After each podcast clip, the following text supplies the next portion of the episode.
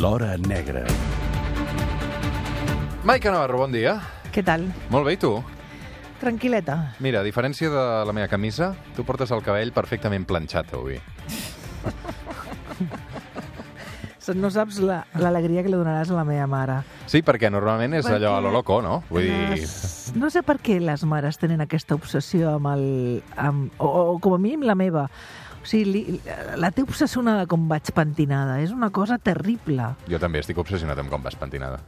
Ah, com vaig pentinada jo? M'hi fixo molt, En sèrio? sí. Però per mi el més important és portar-lo net. La Amb resta planxa o és igual. Però jo no me'l planxo mai. A mi me'l perdona. planxa el casco de la moto. Però això és, normalment, va, portes el cabell ondulat, avui vas amb el cap totalment llis. Jo el tinc ondulat, però sí, me'l... Però el, el, Podem fer una foto de el- Maica Navarro i penjar-la a no, roba al però, suplement? és a dir, el cabell és, és la... Eh, o sigui, jo avui estic molt tranquil·la, com veus, no? Sí, avui. estic amb una actitud molt Una tila per esmorzar, tu. allò, tranquil·leta. També va bé de tant en tant doncs que el estiguis tranquil·la, cabell eh? També està també allò, en comptes d'estar lo loco, allò que li surt la onda, Mm. de tant en tant es... El cabell és l'espejo de mi alma, querido Roger Escapa. Què vols que et digui, xaval? Com, com te lo cuento? Va, ara, ara passa aquella cosa que ens passa a tu i a mi a la secció i és que ens hem de posar una mica seriosos Ai. perquè hem de començar a parlar de crims i d'hores negres. I avui, a més a més, ens n'anem... Hem de fer un viatge al passat i amb un passat amb un, i ens enfonsem en un crim que va commocionar aquesta ciutat. 2003, 11 de gener. Més de 300 agents es van mobilitzar fa unes setmanes per trobar el presumpte responsable d'uns crims que va causar una gran commoció a Barcelona, els crims del barri del Putxet. Amb la veu de Joan Salvat, del 30 minuts. Exacte, exacte. Aquest és un dels casos més sòrdids que hi ha hagut a Barcelona els últims anys. 11 de gener de 2003 són el doble crim, els crims del barri del Putxet. Recordem-ho, 11 de gener de 2003 troben el cadàver d'una dona en un pàrquing al barri del Putxet. Qui era? Doncs la dona es deia Maria Àngels Ribot, tenia 49 anys i tenia comprada la seva família una, una plaça de pàrquing a la, par, a la planta número, número 5. La, la, la plaça era la número, que no me vull equivocar, era la número 15 el número 15 de la, de la planta cinquena. I aleshores, doncs bé, aquell dia va buscar, va tornar al cotxe i és doncs, atacada salvatgement per, per una persona. Uh, en principi, els grups d'homicidis de la, del cos nacional de la policia, que eren els responsables en aquell moment de la, de la, de, de la seguretat, eh, es van, o sigui, era, era una cosa desproporcionada, o sigui, no entenien res. O sigui, semblava que el mòbil era un robatori, amb ella li havia desaparegut la, la cartera, o sigui, el bolso, però la, l'agressivitat, eh, o sigui, el cos presentava infinitat de, de, de, de, de punyalades, però l'havien matat a cops de martell al cap. O sigui, era una cosa salvatge.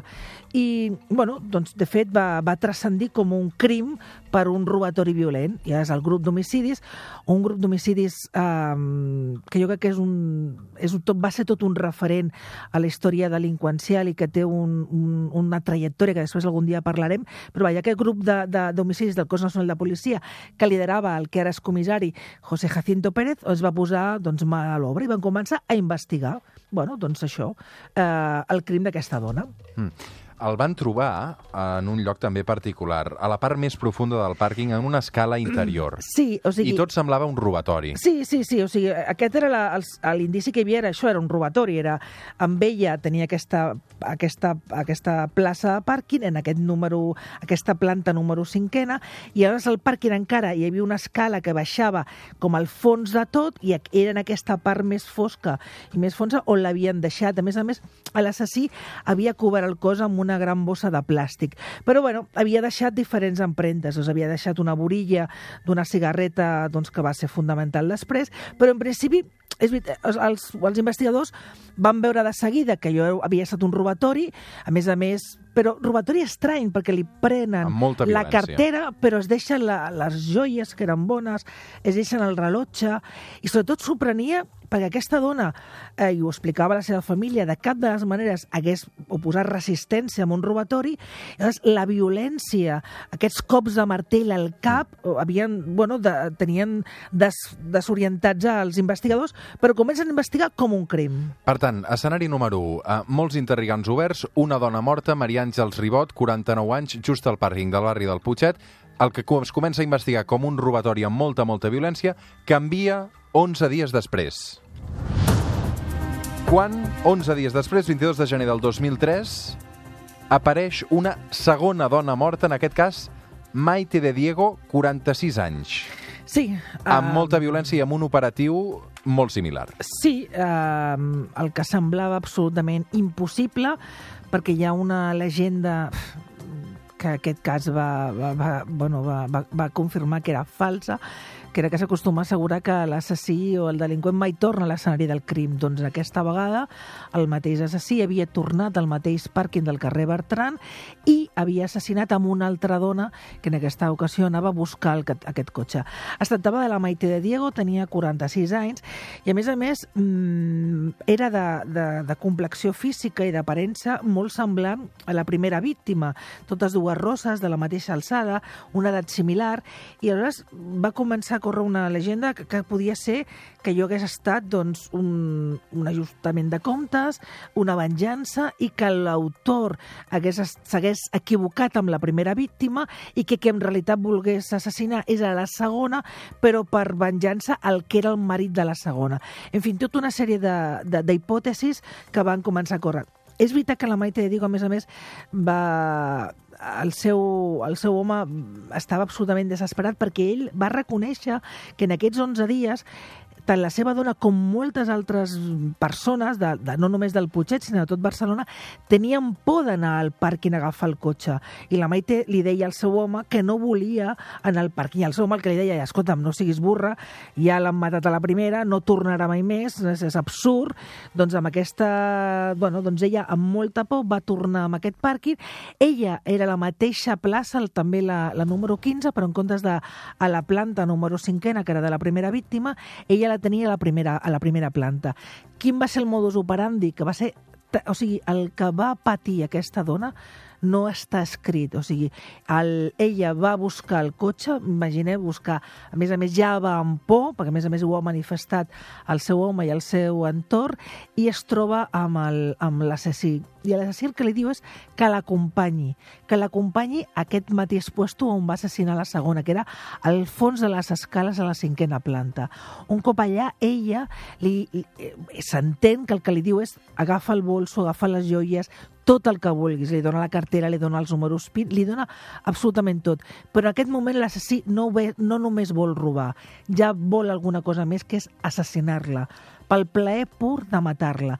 I el que fa és la lliga les mans, li, ja porta més material per fer allò que, amb el que literalment ha gaudit amb la primera víctima i el que fa és li posa paper de diari a la boca perquè no pugui cridar, li tapa la cara, li tapa el, el cap amb una bossa de plàstic petita, l'emmanilla a la barana amb unes, amb unes manilles, li lliga els peus amb uns cordons i directament amb aquest mateix martell de la primera comença a donar-li cops al cap de manera salvatge fins que l'assassina. A mi em va tocar, vaig poder veure, bueno, quan es va obrir les diligències d'aquest cas, un cop es va resoldre, vaig poder veure les imatges dels aixecaments del cadàver. Mai havia vist tanta por i tant de terror en el rostre d'una víctima com en aquest cas amb la, amb la Maite de Diego. Realment, el retrat que avui està fent la Maica Navarro és esfereïdor, eh? Que yo no tengo antecedentes, pero no porque yo lo diga, porque lo dice el Ministerio de Justicia, que és el que tiene que decirlo. Maica, qui és aquesta veu que sentim? Doncs aquest és el... Se'm posa la pell de gallina. Juan José López Rangel. Només tenia 24 anys, era un jove sense antecedents, i vivia amb els seus pares al, al carrer Llevant, al barri de, de la Mina, Sant Adrià del Besòs. Com es va arribar fins a ell és una investigació brillant, diria jo, brillant, del cos nacional de policia, perquè el va detenir tot just una setmana després, dues setmanes després de la, de la primera mort, però fins a arribar amb ell penseu que quan es produeix la segona mort jo recordaré tota la vida que quan truquen al, al cos, al, els guàrdies que estaven, els policies que estaven de guàrdia d'homicidis, quan truquen de la sala del 091 per dir que hi havia una segona víctima al pàrquing de, del carrer Beltrán i avisen el que era el cap d'homicidis, el, el Pepe Pérez, el, el que ara és comissari, ell pensa que és una broma. Diu, esteu de broma, no? Diu, no, no és cap broma, jefe. Hi ha una altra dona morta al mateix pàrquing. O sigui, no ens ho podíem creure. I els redactors de successos d'aquella època ens ho dèiem i no ens ho podien creure. Pensaven que era una broma. En aquell moment, la, aquell barri, el barri del Puigset, el districte de les Corts, la ciutat de Barcelona... Era molt tranquil, tothom, no? Sí, sí. I aquest carrer era tranquil·líssim, el carrer Beltrán. Uh, es va, hi havia una mena de pànic brutal, o sigui, era, era pànic. La gent, uh, bueno, havia una angoixa, perquè si l'assassí havia tornat una segona vegada al mateix escenari del crim, què estava disposat a tornar a fer? I, a més a més, cap pàrquing estava... O sigui, per què aquest pàrquing potser anava amb un altre? A més, era evident que només robava, però que matava, o sigui que... El, el, és a dir, podia el ser un fill- assassí en sèrie perfectament. Bueno, era un assassí en sèrie, era un assassí en sèrie. A més a més, eh, demostrava el plaer de robar, perquè en aquells moments la, el lloc que s'emportava era, Bueno, era, matar, eh, era. era el plaer de matar, perquè, i a més a més, en aquesta segona víctima, tota la preparació que havia, que havia portat a terme amb, el, amb, amb, amb com havia gaudit de, del crim, doncs posava de manifest que els diners era el de menys en aquest cas. Com arriba la policia a aquest senyor, Juan José López Rangel? Bueno, eh, és molt important pensar que no està fitxat, però ell, què passa? Després de la primera assassinat, el que fa és, la primera víctima li ha donat el PIN de la targeta de crèdit, li ha donat també el PIN del telèfon mòbil i el que ell fa és, amb el telèfon mòbil de la primera víctima, escriu un missatge al marit de la primera víctima i li diu, si vols dades de qui ha matat a la teva dona, eh, te les te les puc donar a canvi de diners. Ostres, imagina't l'ensurt d'aquest home que estava al tanatori del marit que estava enterrat a la seva dona i que li surt un SMS, perquè en aquell moment no hi havia WhatsApp, eh, des del telèfon de la seva dona, a la que està a punt d'enterrar en el tanatori, a l'ensurt aquest home, o sigui, eh, va ser terrible. Va cridar ràpidament al grup d'homicidis i li van dir que contestés, que sí, que sí, que acceptava que, que volia saber aquestes proves, li va, li va demanar una quantitat de diners i li va dir que, que deixés els diners amb els lavabos d'un bar que estava al, al carrer Consell de Cents, el bar Nostrum, que estava just davant, que està just davant, encara el bar assisteix, davant de la- de l'actual redacció del Periódico de Catalunya, que és allà on jo treballava. Doncs havia de deixar un sobre amb diners darrere de la cisterna d'uns lavabos públics d'aquest bar i que ell ja es posaria en contacte amb ell per, per donar la informació. El dia acordat, eh, l'home va anar a deixar els diners, ningú va aparèixer a buscar la, els diners, però era evident que l'assassí coneixia aquest bar. Per tant, què va passar?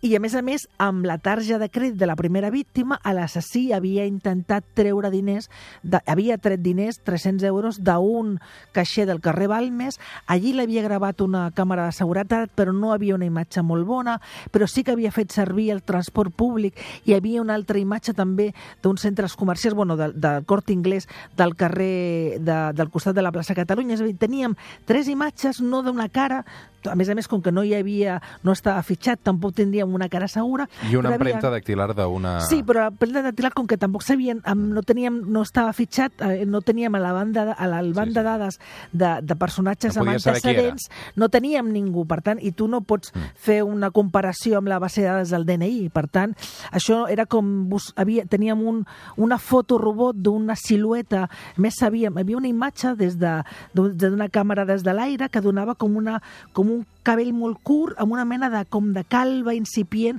amb la, amb, el- amb el, a la part superior, una, una imatge molt estranya. En fi, després de la segona víctima, la segona víctima el Pepe d'Homicidios el que li diu a la seva gent és, escolta'm, hem de treballar, o sigui, a tope, o sigui, és que ens tenim un assassí en sèrie i, ostres, mmm, tothom al carrer, tothom al carrer. En aquell moment el cap superior era el Miguel Ángel Fernández Rancaño, que després se'n va anar a la caixa de cap de seguretat que encara continua. Doncs bé, el que fan és dispositius i amb totes aquestes dades es munta un dispositiu específic al Bare Nostrum, perquè dius, posats a buscar, anem al Bare Nostrum. I allà se'n van dos del grup d'homicidis, al Bare Nostrum, a fer esperar, esperar. I de sobte un dia hi havia, estava un dels, dels, dels, grup, del, dels, guard, dels policies nacionals d'homicidis, era no és, bueno, un d'ells, és igual, no vull dir ara qui era perquè tampoc vull distingir, la feina va ser brutal de tots. Estava dins i llavors entra un jove i, ostres, la llum dona de tal manera a l'entrar és un bar molt focs a l'interior, però a fora hi havia llum i la llum li va donar de tal manera que li va fer un reflex al cap que quan va començar a avançar cap a la, ràbia, cap a la barra, que home va tenir com una mena de, de, de, de... Bueno, que se li va posar la pell de gallina i diu, ostres, és ell. Era, era, la silueta era molt semblant a la silueta que li donaven les càmeres de seguretat, anava sol, va anar cap a la barra, a més a més li va demanar que li donés els pals del billar, és un bar que tota la vida s'ha jugat al billar, per tant coneixia aquest bar, coneixia tant de, tant, de tal manera aquest bar que tenia els pals del billar guardats a, a, a la barra, uh -huh. estava sol, va donar una cervesa, va jugar sol, va estar una estona, després va marxar, i abans de marxar el, el policia que està a la barra amb un altre que està a l'estrena i diu, escolta, ara sortirà el tio, eh, va vestit així, l'atureu en algun moment i li demaneu la identificació per alguna excusa. I efectivament, quatre carrers més cap allà, se n'adona més que va caminant i amb una cantonada lluny del bar eh, una parella se l'atura perdoni, eh, documentació i el tio s'està i diu, i això per què no? És que hi ha, un, hi ha hagut un munt de robatoris de domicilis per la zona estem fent controls de seguretat i tal ah, vale, vale, li dona el DNI hòstia, vostè viu a la mina? Sí, hòstia, que... no, bueno, vaig a la mina però tinc, vaig aquí a un bar a jugar, molt bé, molt bé, d'acord, doncs gràcies, eh, Déu, Déu i se'n va.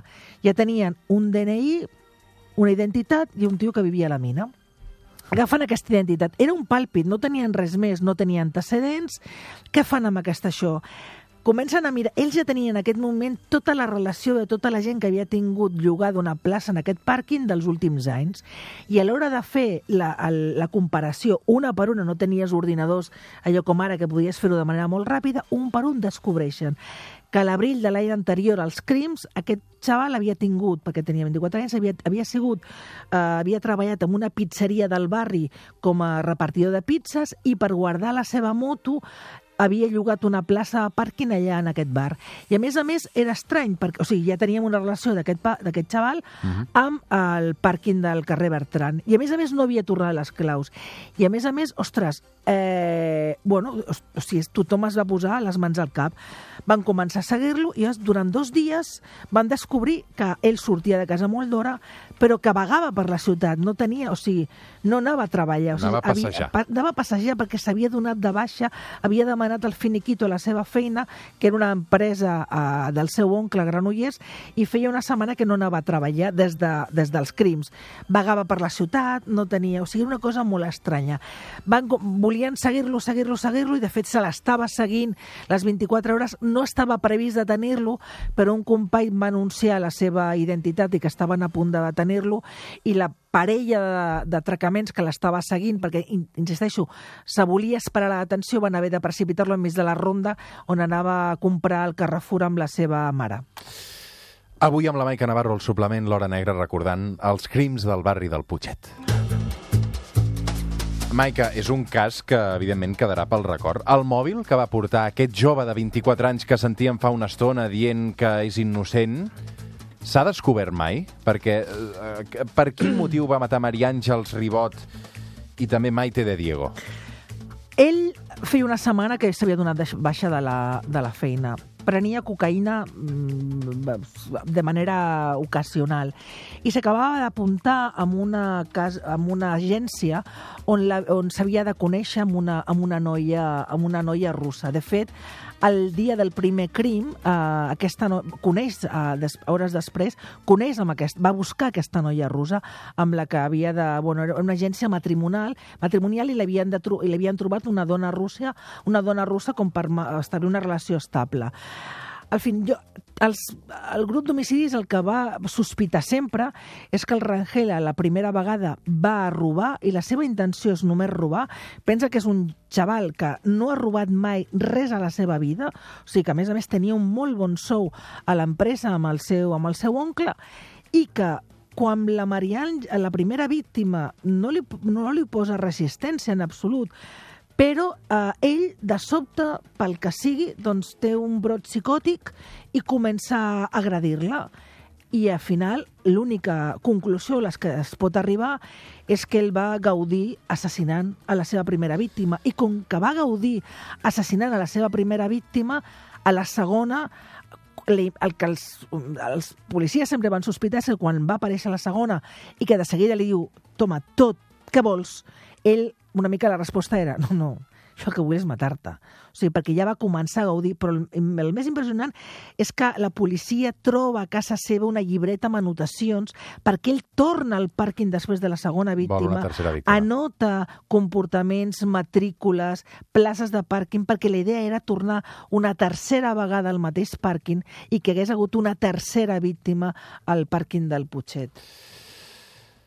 No, no, eh, és un cas mm, No, terrible. No, m'ha deixat sense Ell paraules. mai Eh, va sense reconèixer... paraules i, i he d'anar a la publicitat. Ell mai ho ha reconegut. No, ell, a més a més, hi ha una companya, la Neus Sala, que va, el va visitar a la presó per fer un documental fantàstic que et diu El Putle Blanco, i quan va, abans de començar l'entrevista, estava ella i el fuster eh, li diu bon dia, bon dia, de darrere del vidre, i diu, bueno, què voleu, com fem l'entrevista, què voleu, què, què us va millor, que sigui culpable o innocent? I la Neus i el fuster li diu, bueno, no sé, tu sabràs. Tu tens una condemna per assassinat doble. Nosaltres no tenim cap dubte que ets culpable. Vale, doncs continuaré amb la meva tesi de que sóc innocent. Maica Navarro, gràcies. Vinga, adéu. Pausa i tornem al suplement.